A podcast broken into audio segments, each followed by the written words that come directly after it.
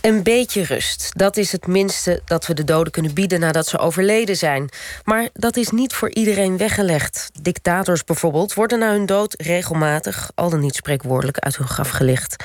Over de rusteloze lichamen van drie dictators schreef de Vlaamse letter letterkundige Luc Rasson een boek, Het lijk van de dictator. En nu is hij hier. Welkom. Goedemorgen. Allereerst, hoe ontstond je fascinatie voor dode dictators? Kijk, um, in de zomer van 2014 was ik in Predapio in eh, Emilia-Romagna, het geboortedorp van Mussolini, waar hij ook begraven ligt. Althans sinds 1957. En um, het toeval wilde ook, maar dat was echt een toeval. Ik had dat niet uitgerekend dat ik daar was op zijn verjaardag. Waardoor dus het dorp bezet was door um, ja, sympathisanten, neofascisten. Uh, sommigen in, in gloednieuwe, glimmende uniformen, uh, compleet met fascistische tekens enzovoort. Goed, nu, ik weet, dat is banaal. We weten allemaal dat die dingen uh, gebeuren. maar um, ik heb toen ook vastgesteld dat Mussolini daar pas lag sinds 1957. En dan vroeg ik me af, ja, hoe komt dat? De man is toch geëxecuteerd in uh, april uh, 45. Wat is er gebeurd in die twaalf jaar? En dan ben ik daar rond beginnen lezen. En heb ik vastgesteld dat dat lijk ja, een soort kleine odyssee heeft meegemaakt, dat daar van alles mee gebeurd is. Dat um, eigenlijk dat lijk rusteloos is. Hè, dat is een adjectief dat ik uh, regelmatig gebruik.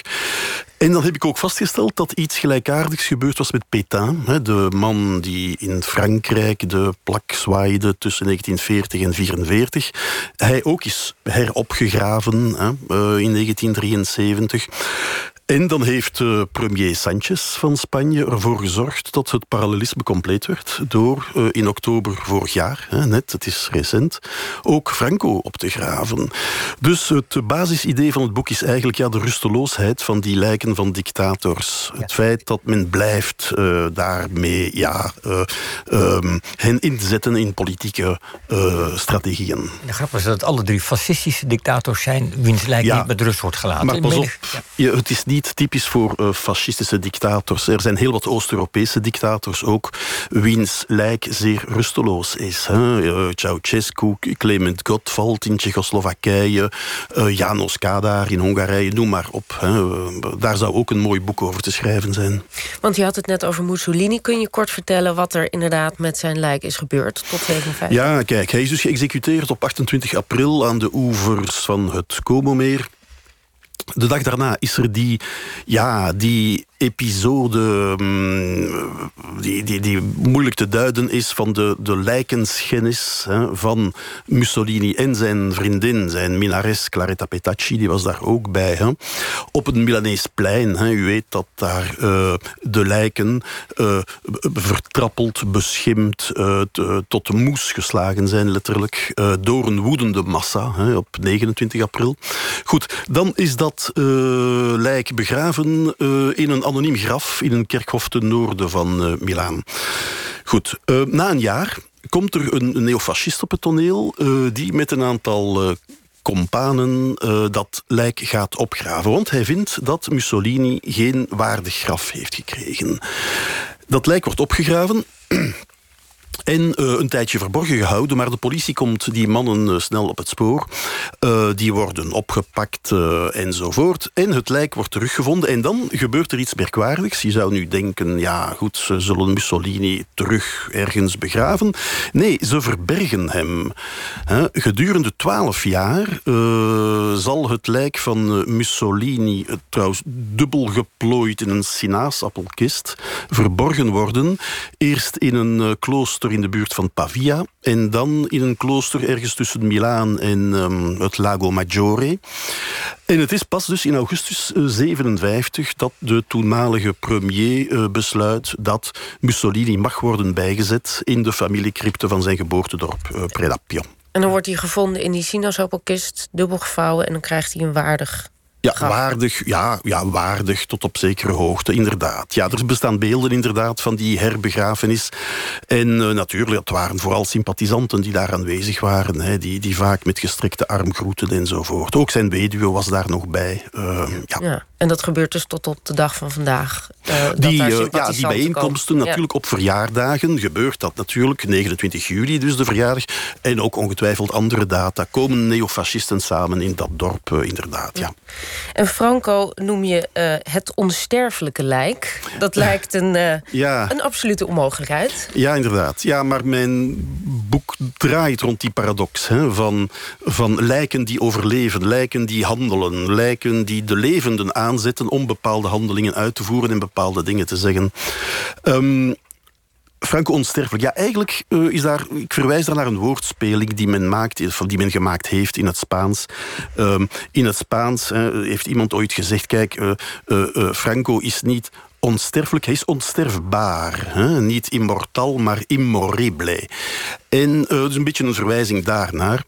Um, kijk, ja, dat Franco, uh, dat dat lijk onsterfelijk is, is natuurlijk tot op zekere hoogte gebleken. Recent nog, ik maakte er al een, een verwijzing naar. Aangezien in juni 2018 Pedro Sanchez aan de macht komt, de socialistische premier. En een van de eerste maatregelen die hij aankondigt is de opgraving van het lijk van Franco. Nu moet u weten dat Franco begraven lag in een complex ten noorden van Madrid dat hij zelf heeft laten bouwen in de bergen van de Guadarrama. Um, de Valle de los Caídos, de vallei van de gevallenen. Dat is een reusachtig complex, een, een basiliek in de rotsen uitgehouwen een klooster hoort daarbij, een school voor jongens die Gregoriaans leren zingen. Maar ook en vooral misschien uh, een knekelhuis, een ossuarium, uh, waar 33.833 uh, slachtoffers liggen van de Spaanse burgeroorlog en van de repressie. Um, dit alles bekroond door een reusachtig kruis van 150 meter hoog, naar het schijnt het hoogste van de wereld. Um, Goed, en daar was Franco dus begraven uh, sinds 23 november 75. Hè? Nu, toen Sanchez aan de macht gekomen is in 2018, heeft hij gezegd: dit kan niet. Het kan niet dat in een dictatuur een dictator recht heeft op zo'n praalgraf. In een democratie bedoel je? Hè? Wat heb ik gezegd? In, in een dictatuur? Nee, in een democratie, ja. excuseer. dat ja. in een democratie een dictator recht heeft op zo'n praalgraf.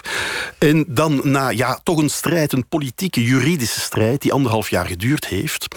Uh, is hij erin geslaagd inderdaad van uiteindelijk op 24 oktober... Franco daar weg te halen en hem bij te zetten... een vijftigtal kilometer verder uh, op het kleine kerkhofje... waar hij nu rust naast zijn vrouw.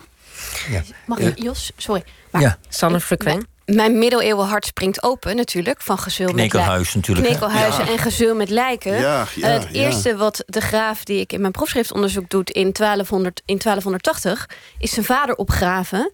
En doorheen gouwen in processie alle belangrijke steden aan te gaan... waarbij iedereen het lijk moet groeten en uh, hij ja, krijgt daarmee de blijde intrede... die hij tijdens zijn, die die tijdens zijn leven eigenlijk ja, nooit ja, heeft gehad. Het is echt... Parallellen zijn fantastisch. Maar komt het dan op neer dat, dat het lijk van een beroemde dictator... dat, dat is een symbool en dat is zo belangrijk... dat dat, dat mag niet sterven. Dat is steeds, het blijft actueel. Dat blijft eigenlijk gewoon onvoltooid ja, het is tijd. Absoluut, onvoltooid verleden tijd. De, de titel van deze uitzending is perfect hè, in, in, in mijn thema.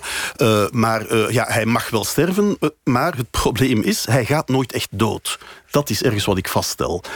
De overlevenden blijven aan politiek doen. Dead body politics noem ik het ergens. Met de lijken van uh, dictators. Goed, wie meer wil weten over die dead body politics... en die niet genoeg kunnen krijgen van dode dictators...